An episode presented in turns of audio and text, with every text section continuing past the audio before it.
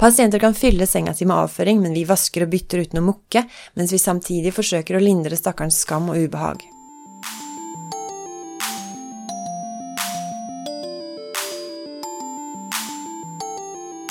Hei, og velkommen til Sykepleiens podkast. Liv Bjørnhaug Johansen er sykepleier ved nevromuskulær sengepost ved Drammen sykehus, og kvinnen bak sykepleiens faste spalte Liv Laga, som du her får høre i podkastversjon. Det er natt. Klokka nærmer seg halv fem, og den kritiske grensen for når trøttheten får overtaket, og det som en gang var en engasjert, empatisk og tålmodig sykepleier, er blitt til en ganske primitiv organisme, hvis fremste mål er å få være i fred.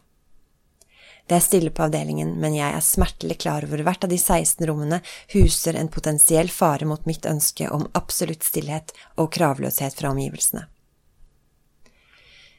Som en av naturens luner sammenfaller også dette tidspunktet med tiden da de smertestillende tablettene begynner å gi slipp, blærer har fylt seg og pasienter våkner, har vondt, kjenner at de må tisse, ringer på for å få hjelp eller forsøker seg ut av senga på egen hånd, men snubler og vekker naboen som har oppdaget at uridoma har løsnet og senga er søkk våt, men ikke husker hvordan man ringer på, men begynner å rope, noe som vekker den hjelpsomme damen på naborommet som ringer på for å gi beskjed om ropingen, og samtidig lurer på om hun kan få en oksynorm til da ryggen hennes er vond igjen, og da benytter kanskje hennes nabo anledningen til å spørre om ikke jeg burde skanne blæra hennes igjen, for hun har forsøkt å gå på do, men syns ikke hun får tømt seg, og lurer på om hun kanskje må kateteriseres.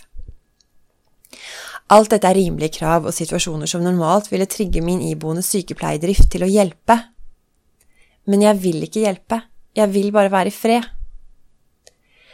Mot alle odds klarer sykepleieren i meg til å få overtak nok til å gjennomføre oppgavene med et minstemål av høflighet og faglig forsvarlighet før jeg igjen synker sammen på vaktrommet, og nattens absolutte lavmål inntreffer når en eldre dame ringer på, sannsynligvis for å få følge til do, og jeg hører meg selv irritert tenke, kan hun ikke tisse i bleia som andre folk? Og det er her klokka halv fem, når klokkene kimer og mitt vesen er blottet for empati og tålmodighet, og alle faglige prinsipper står i konflikt med den overveldende arbeidsskyheten, at jeg erkjenner hvor fantastiske vi er ellers. Vi sutrer ikke, vi himler ikke med øynene, tar ingen snarveier. Pasienter kan fylle senga si med avføring, men vi vasker og bytter uten å mukke, mens vi samtidig forsøker å lindre stakkarens skam og ubehag.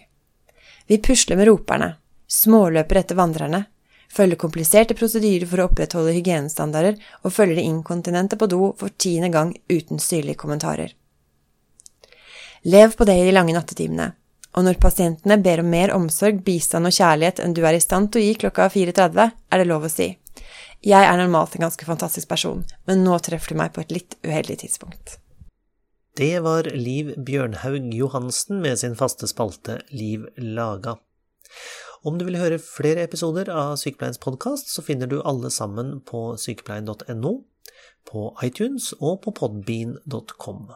Om du bruker iTunes, så setter vi pris på en liten anmeldelse eller vurdering, og du kan også sende inn det du måtte ha av kommentarer og innspill til redaksjonen at sykepleien.no. Du når oss også via Sykepleiens Facebook-side eller vår Twitter-konto. Jeg heter Ingvald Bergsagel. Vi høres.